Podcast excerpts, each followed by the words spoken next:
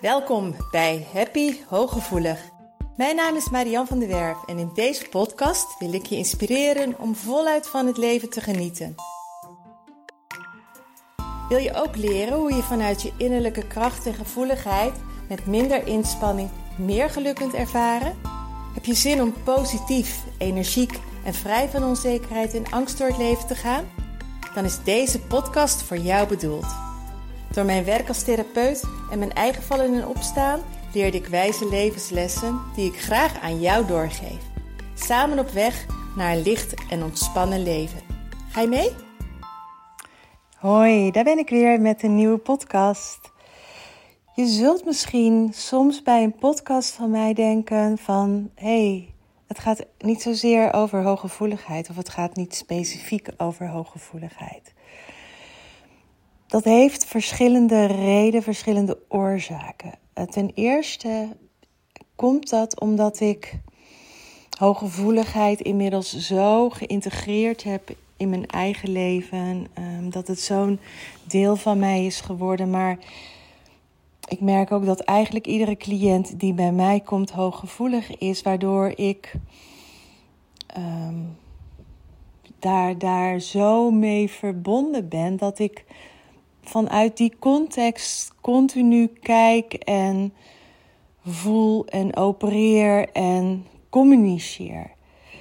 Ehm, het is nog wel zo natuurlijk wanneer er een cliënt bij mij komt dat ik dat check, dat ik daarover in gesprek ga of dat ik er daarnaar vraag of dat ik uh, als mensen er nog helemaal geen weet van hebben, dat ik echt wel heel erg ga checken bij de mensen of er sprake van zou kunnen zijn. Ze vragen om daar zelf eens uh, wat meer over te gaan inlezen of ze zichzelf erin herkennen. Um, ik heb altijd een aantal vragen en een aantal criteria die ik onderzoek met ze om uh, te kijken. Maar over het algemeen komen inmiddels via, de, via de podcast en misschien ben jij ook al vaker met mij in contact geweest maar um, het is zo vanzelfsprekend dat het daarover gaat, dat ik het vaak niet meer benoem. Maar uh, de podcast die ik dus, dus, dus, de onderwerpen die ik bespreek, hebben altijd een relatie met hooggevoeligheid, omdat het situaties zijn die zoveel voorkomen bij hooggevoelige mensen. En uh, dus dat is een van de redenen waarom ik het er niet zo specifiek over heb. Of twee eigenlijk. De een is dus omdat het bij mij zo verweven is dat het um, geen uitzondering. Het is gewoon een, een deel van zijn. En als jij naar de podcast luistert, is het dus ook jouw zijn. Een kenmerk van jouw zijn. En het tweede is dus, omdat, omdat dat bij mij zo verweven is, um, zijn de onderwerpen die ik behandel en bespreek. Mijn ervaring heeft geleerd dat het altijd onderwerpen zijn waar heel veel hooggevoelige mensen mee te maken hebben. Waar heel veel hooggevoelige mensen tegenaan lopen, mee kampen. Um, dus, dus dat het speelt in het leven van de hooggevoelige persoon. En dat is waarom ik het er niet zo specifiek benoem. Dat dus. En dat is ook met het onderwerp van vandaag. Het onderwerp van vandaag dat gaat over verbinding en over veiligheid en over um, de relatie tussen stress en veiligheid. Omdat ik had van de week een, een waanzinnig mooie webinar. Um, dat, was, dat was weer een onderdeel van het, uh, het, Trauma Conference, van, uh, wat georganiseerd werd door Alex Howard. En dat houdt in dat er zeven dagen lang, iedere dag, iets van negen of tien video's beschikbaar zijn. Um, van, van allemaal trauma-experts uit Amerika, of waar dan ook. Um, het is altijd online, dus uh, ze zitten ook in andere landen, heb ik gemerkt, uh, aan de talen. Um, en natuurlijk ben ik nooit in staat om iedere dag negen webinars af te luisteren. Maar ik probeer er wel dan iedere dag minimaal één te beluisteren. En er eentje uit te, halen die, uh, die mij op dat moment het meest aanspreekt. Of waar ik het meest over wil leren. En er was dus een webinar specifiek ook over veiligheid. En dat bracht mij weer zoveel mooie inzichten. En daar waren een paar punten die ik er dus vandaag wil uitlichten. Um, en één daarvan is um, hoe het komt dat stress soms veiliger voelt dan geen stress. Wat we, wat we namelijk doen is heel. De, de, we zoeken allemaal de ontspanning op. En ehm, veiligheid is een gevoel dat zit in je lichaam en dat wordt gereguleerd door je autonome zenuwstelsel, door die. Nervus vagus en het sympathisch en het parasympathisch zenuwstelsel. Om dat eventjes nog weer naar voren te halen. Het zijn wat ingewikkelde namen, maar als je ze vaker van mij hoort, dan um, ga je ze, je ze wel eigen maken. En het vertelt gewoon makkelijker. En dan op het moment dat je het weet, weet je gelijk waar je het over hebt. Um, het, het oudste deel van je autonome zenuwstelsel, dat noemen ze het dorsale deel, dat is het pure overlevingsmechanisme. Dat is de shutdown, dat is het konijntje wat zich doodhoudt als er een roofvogel boven cirkelt bijvoorbeeld. Dat is het alleroudste primaire systeem wat we, nou ja, wat, wat, wat, wat, wat je, het eerste leven eigenlijk had, het overlevingsmechanisme. Daarna is het, uh, het sympathische systeem gekomen, het vecht-vluchtmechanisme, de emotieregulatie. En nog later, en dat is een deel wat alleen de zoogdieren en wij mensen hebben, dat is het ventrale. En dat is het kunnen verbinden met anderen, het, het kunnen liefhebben, het, um, het samen kunnen zijn, um, de ontspanning met elkaar kunnen voelen en ook de veiligheid echt kunnen voelen vanuit die verbinding. Maar bij ons is het, wat, er nogal eens gebeurd is, is dat die verbinding met de ander niet veilig voelt. Doordat uh, er trauma is ontstaan. Doordat je niet geleerd hebt dat je je eigen veiligheid kunt creëren door bijvoorbeeld als je als babytje gehuilde en er werd niet op gereageerd, als je honger had en je kreeg geen tijdig eten, als je ouders niet beschikbaar waren door hun eigen problemen, dan heb je niet geleerd dat jij um, je eigen veiligheid kunt creëren, omdat er geen gehoor werd gegeven aan jouw uiting. En op een moment dat er um, de ene keer wel iemand komt, de andere keer niet iemand komt, heb je ook niet geleerd dat er een, een stabiliteit is tussen alleen zijn en in verbinding zijn. En dat als er een verbinding weg is, dat ook weer terugkomt. Je ziet dat bij babytjes op het moment dat ze verlatingsangst hebben. Hè, dan beseffen ze zich nog niet dat als mama de kamer uitgaat, of mama is even naar de wc, dat mama er nog steeds is, maar dat ze alleen even niet zichtbaar is. Of dat als mama een boodschap gaat doen en je blijft bij papa achter of bij oma, omdat mama werk is, dat je realiseer je als klein kindje nog niet dat mama ook weer terugkomt. Maar als daar een stabiliteit in zit, als er de persoon altijd weer terugkomt, als die verbinding altijd weer tot stand komt op een stabiele manier en daar is een, een gezonde manier en een, een nou ja, wat ik zeg, een stabiele manier, dan leer je dat je als je uit verbinding even bent, dat je altijd weer in verbinding kunt komen. Dus daarmee wordt er een veiligheid gecreëerd. En dat is wat heel vaak um, sowieso al niet gebeurt, maar wat bij hooggevoelige personen dus extra um, erin hakt op een moment dat dat er niet is geweest, omdat dat voor ons extra voelbaar was. En de, of iemand veilig is, ook dat, dat zie je aan gezichtsuitdrukkingen, aan ogen, um, aan, aan spierspanning in het gezicht. Je hoort het aan intonatie van de stem. Dus, en hooggevoelige mensen krijgen dat natuurlijk ongefilterd binnen. Dus van jongs af aan, van kleins af aan, ben je daar extra ontvankelijk voor om die signalen op te pakken van een kleine intonatie in de stem, of een harde stem, of een boze stem, of een angstige stem. Ehm, een afwijzende blik, een afkeurende blik. En als bij wijze van spreken je moeder zegt van uh, er is niets in de, aan de hand, maar je ziet de verdrietige uitdrukking in haar ogen, dan voelt dat onveilig, want het is verwarrend.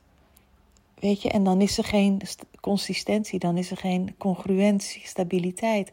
Als um, je vader zegt dat hij helemaal niet boos is, maar de stem klinkt altijd hard. Ik heb dat zelf ervaren met mijn, mijn ex-partner. Die had een weet je, een krachtige stem, maar ook ja, een, een wat geagiteerde stem. En mijn zoontje, die kon daar, moest heel vaak huilen en die kon heel moeilijk bij hem aanwezig zijn, omdat hij zei: Het is net, hij is altijd boos op mij.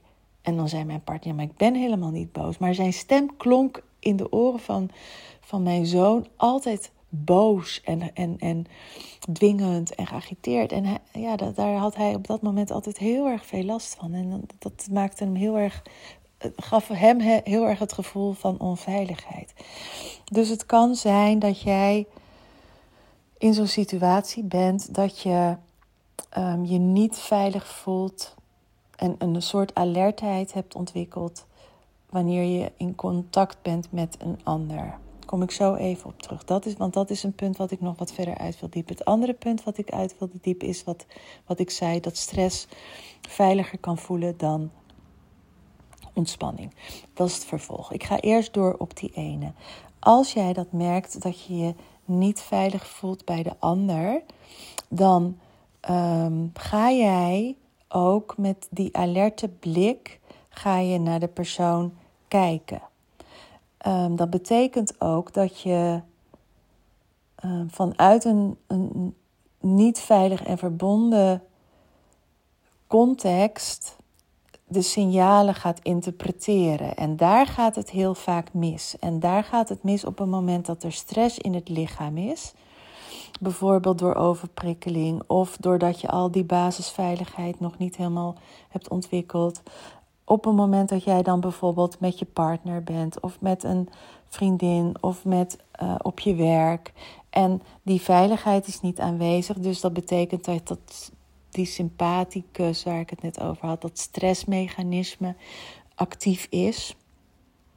Dan kijk je met die blik naar een ander. Dat betekent dus dat jij met stress interpreteert. En dat is sowieso een interpretatie natuurlijk altijd subjectief. Maar daarmee ga je soms goed bedoelde adviezen, tips, woorden of neutrale opmerkingen ga jij interpreteren als zijnde gevaar. En dat doe jij niet expres. Dat zeg ik er heel duidelijk bij. Dat doe jij niet expres. Dat, daar kun je in wezen niets aan doen, want jouw systeem is alert. Jouw systeem is alert. Dus je bent gefocust op gevaar. Maar dat betekent als bijvoorbeeld, ik gaf gisteren uh, voorbeeld, um, ik laat een glas in de kamer staan. Of er staat wat rommel op de tafel. En Marco die loopt langs en die zegt: Zo, er staat een hoop op tafel. Dat kan voor hem op dat moment puur een neutrale constatering zijn, omdat hij het niet gewend is. Op het moment dat ik me veilig en verbonden voel, op het moment dat ik me ontspannen voel, dan zeg ik, zeg ik ja, dat klopt. Die hele tafel staat vol, hè? Klaar. Op het moment dat ik me niet veilig en verbonden voel en gestrest voel, en Marco maakt zo'n opmerking van zo, er staat een hoop op tafel, zeg, dan voel ik me aangevallen. En dan ga ik in de verdediging. Nou zeg, kan ook nooit wat laten staan. Of ja, als je er last van hebt, dan ruim je toch lekker zelf op. Of ik zou zeggen, of ik krijg het gevoel van, oh, ik doe het, zie je wel, ik doe het weer niet goed. En er ontstaat een gevoel van schuld en schaamte en ik ga het heel snel opruimen. Een paar voorbeelden van een reactie, een respons die voortkomt uit een stress en een niet veilig verbonden gevoel. Of een, of een, overprikkeling, maar dat is natuurlijk ook stress. En iedere vorm van stress moet je je realiseren altijd als jij stress hebt, voel jij je op dat moment niet helemaal meer veilig en verbonden. Dus zul je altijd op een meer prikkelbare, alerte, negatievere manier interpreteren en reageren dan wanneer jij helemaal chill bent en je helemaal oké voelt, je ontspannen voelt en je veilig en verbonden voelt. En die moet je echt in je oren knopen. Want je kunt nooit met een zachte, liefdevolle blik naar iemand kijken op het moment dat je heel veel stress hebt. Ook niet naar je kind, ook niet naar je ouders, ook niet naar je collega's. Op het moment dat jij een vergadering hebt en je zit met een, een stressblik of een alerte blik En die kan dus komen doordat je gewoon te druk hebt, te veel hebt, te overprikkeld bent. Maar het kan ook zijn doordat je die basisveiligheid niet hebt. En jouw collega maakt een opmerking, bijvoorbeeld een duo die zegt uh, tegen je van. Um, ik ben daar en daar niet aan toegekomen. Zou jij dat voor mij willen doen? Of uh, het viel me op dat dat nog niet is gebeurd. Wil je daar nog even over denken? Als jij je veilig voelt, verbonden voelt, ontspannen voelt, zul je denken: Oh, ja, dankjewel, het was me ontschoten. Of je zult denken van: um, Oh, ja, goed dat je het nog even aan me doorgeeft. En op een moment dat je niet oké bent, dan zul je denken: Oh, ze heeft weer kritiek. Of Oh, zie je, oh, ik heb het niet goed gedaan, ik had dat moeten doen. Oh, daar heeft ze de last van. Dan ga je in die schuld en schaamte. Of je voelt je aangevallen. Van, nou, pap. Weet je, dus, dus um, je kan niet zuiver interpreteren als je je niet ontspannen, veilig en verbonden voelt. En, um, want, want je um, beoordelingsvermogen, je überhaupt je gedachtenstroom, die werkt minder goed naarmate je meer stress hebt. Hoe meer stress je hebt, hoe minder goed je beoordelingsvermogen wordt, hoe minder goed je interpretatie kan, hoe minder zuiver je beoordelingsvermogen wordt, hoe um, minder je nog kunt afstemmen. Ik heb het natuurlijk pas ook over de afstemming gehad. Dus wat jij als eerste te doen hebt, is werken aan die, die modus van veilig en verbonden. Daar ga ik je zo een paar tips voor geven. Maar ik wil eerst even naar dat tweede punt, waardoor, um, want, want um, waarom soms stress beter voelt als veilig en verbonden.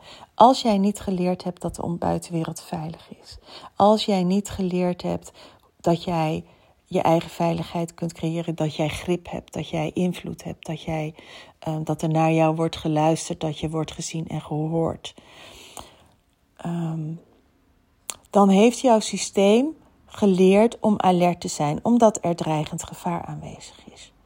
Stress zorgt ervoor dat je in die alerte modus, dat je dus bereid, hè, jezelf prepareert als het ware, jezelf klaarmaakt om in de aanval te kunnen gaan of om te kunnen vluchten.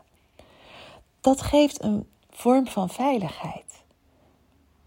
Want je bent klaar om te kunnen reageren als er iets gebeurt. En dan moet je je voorstellen wat er gebeurt als jij dan.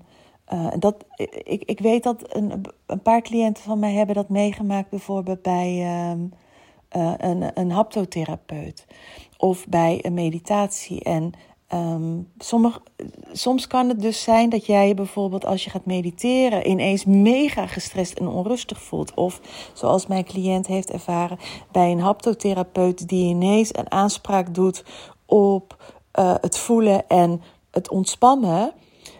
Kan dat een gigantische stressreactie en angstreactie veroorzaken. Waarom? Omdat als jij um, die, dat gevoel van veiligheid bij wijze van spreken nog niet goed kent en jij brengt je systeem ineens in een veilig verbonden ontspannen situatie, dan breng je jezelf eigenlijk in een kwetsbare setting. En dat kan net te veel zijn. Dat kan te veel zijn, waardoor je juist weer heel erg in de stress schiet. En um, dat wil nog wel eens gebeuren, bijvoorbeeld bij het mediteren of bij, um, nou ja, wat ik zei, haptotherapie, bij bepaalde massages, bij retreats.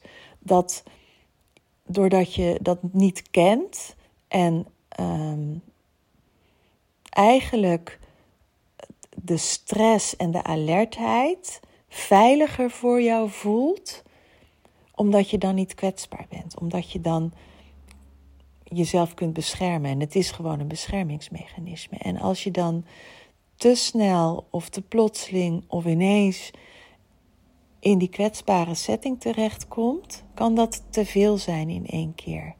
En daarom oefen ik ook met mijn cliënten die, dat gevoel van veiligheid niet kennen, om dat in kleine stapjes te doen.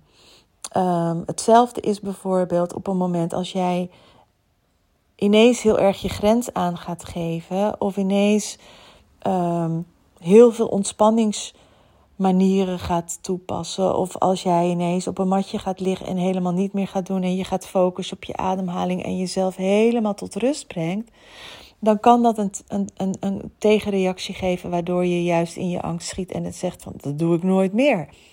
De cliënt die ik had, die zei: Ik ga nooit meer naar een aptotherapeut. Het was gewoon veel te veel in één keer. Veel te overweldigend. Veel te veel. kwam er ineens naar voren, naar boven ook.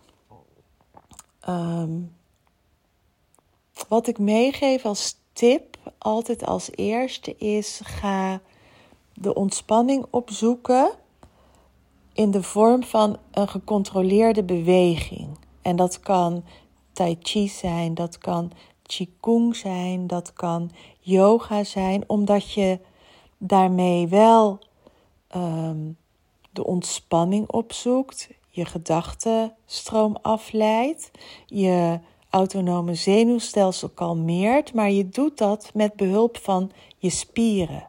Je gebruikt je spieren en je gebruikt Ehm, de spanning van je spieren en de ontspanning van je spieren gebruik je als hulpmiddel om jezelf naar beneden te krijgen, om, om je stresslevel naar beneden te krijgen, maar wel met een vorm van controle nog. Je laat niet alles los.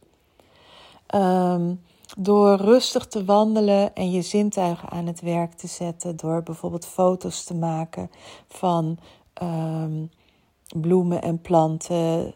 Dus dan ben je ook op een actieve manier met ontspanning bezig, maar wel op een rustige, ontspannen manier, waarmee je niet te veel adrenaline aanmaakt en cortisol aanmaakt. Want dat is ook weer stressverhogend. Um, in het nabij zijn van anderen, in plaats van dat je tegen jezelf zegt van oh, maar deze persoon is veilig, deze persoon moet ik kunnen vertrouwen. Dat hoeft niet in één keer. Um, spreek korte momenten met iemand af. Als je een relatie opstart en je merkt dat je in die bindingsangst terechtkomt, wat vaak ook komt door dit wat ik je net verteld heb. Bouw het heel rustig op. Neem er de tijd voor. Als je je voelt dat je oké, maar nu ga ik, nu merk ik dat ik mezelf wil gaan beschermen. Wees daar oké mee. Heb daar geen oordeel over. Verwacht niet van jezelf dat je ineens de persoon helemaal vertrouwt. Want vertrouwen moet groeien. Veiligheid moet groeien. Um, als jij niet geleerd hebt uh, pas zei iemand, oh heel erg mooi, dat was heel erg mooi. Toen zei ik van bouw de relatie rustig op. Neem ook af en toe even afstand van elkaar. En toen zei die mevrouw die er was, ze zei ja, dat vind ik heel erg eng, want dan heb ik geen controle meer. Um, want voor haar was continu bij elkaar zijn en een soort uh, kunnen scannen hoe zit de ander erbij. Uh, zijn we nog in verbinding? Zij vond dus uit de verbinding gaan heel erg eng, omdat ze heel vaak heeft ervaren dat afwijzing uit verbinding gelijk heel erg naar was, omdat ze dan uitgesloten werd of veroordeeld werd. Dus voor haar is het heel spannend als ze dan uit die verbinding gaat, dat, dat de persoon ook weer terugkomt en dat de liefde en de verliefdheid niet minder wordt op het moment dat. Maar dat zijn nieuwe ervaringen aanleren, nieuwe ervaringen tot je nemen, waardoor je een nieuwe veiligheid en verbondenheid voor het eerst misschien zelfs gaat, gaat, gaat creëren. Dat is ook, ik lees heel vaak van um, hooggevoelige mensen dat ze zo teleurgesteld zijn in andere mensen, dat ze zoveel pijn hebben ervaren, dat ze de neiging hebben om zich compleet terug te trekken. Dat is natuurlijk ook een manier van um, het veilig voor jezelf maken door de verbinding gewoon niet meer aan te gaan. Dus op het moment dat jij dan, dan de verbinding wel aangaat, ontstaat daar dus een vorm van stress en angst, omdat jouw systeem zegt: Oh, maar dit is gevaarlijk. Denken helpt dan niet. denken helpt dan niet. Want hoe meer jij dan gaat zeggen: deze persoon is veilig, deze persoon is veilig, deze persoon is veilig, hoe meer jouw systeem zegt: het is niet veilig, het is niet veilig. Maar stel je voor dat je dan bijvoorbeeld zegt van. Ehm, ik voel me nu, mijn knop van stress is nu op 8. Laat ik hem eens op 6 zetten. Kijk, laat ik kijken of ik mezelf ietsje rustiger kan maken. Of, en soms helpt alleen die knop naar beneden druk, draaien al ietsje.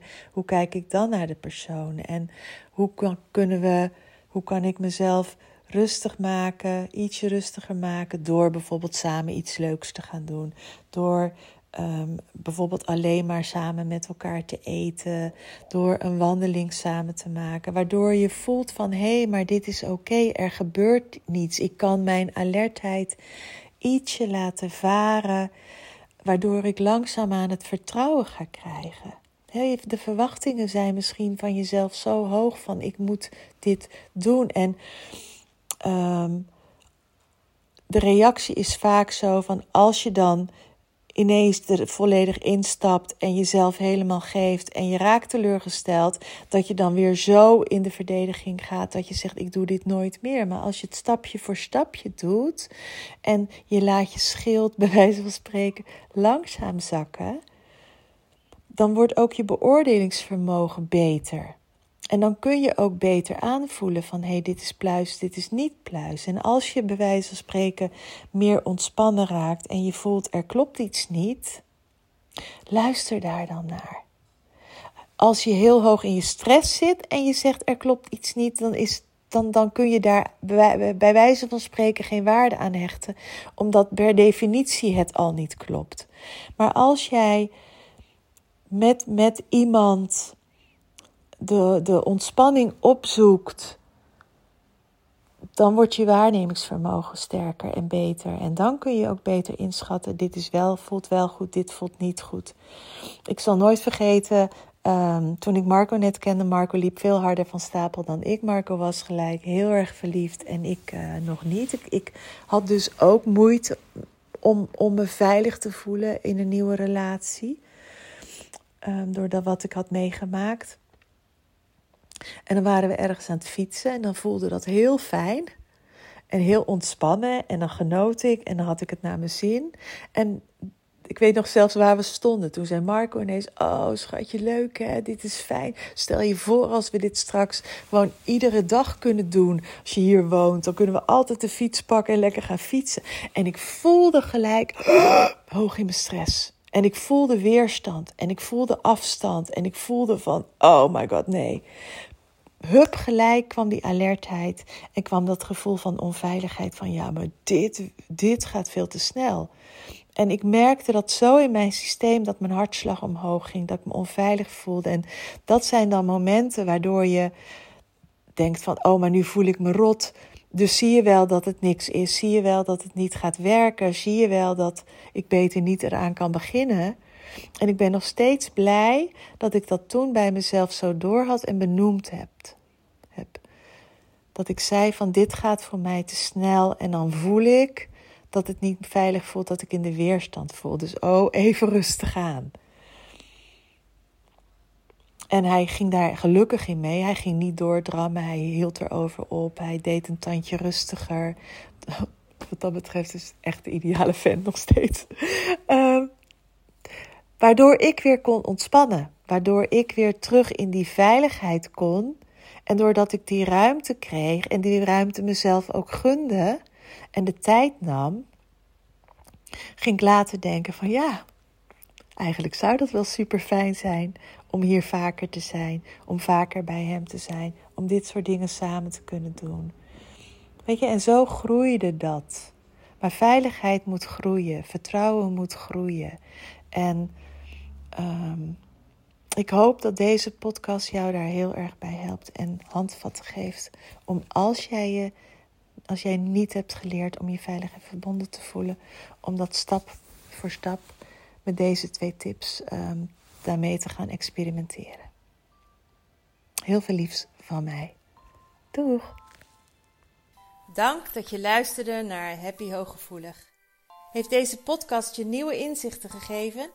Je doet me groot plezier met een recensie op Apple Podcast. Je kunt je natuurlijk ook abonneren op dit kanaal in jouw favoriete podcast-app. Want elke week staat er een nieuwe aflevering voor jou klaar. En wil je nu zelf aan de slag en meer lichtheid ervaren? En sta je open voor nieuwe inzichten en verandering? Neem dan vooral eens een kijkje op mijn website www.zienswijs.nl. Daar help ik je graag nog verder. Zie ik je daar?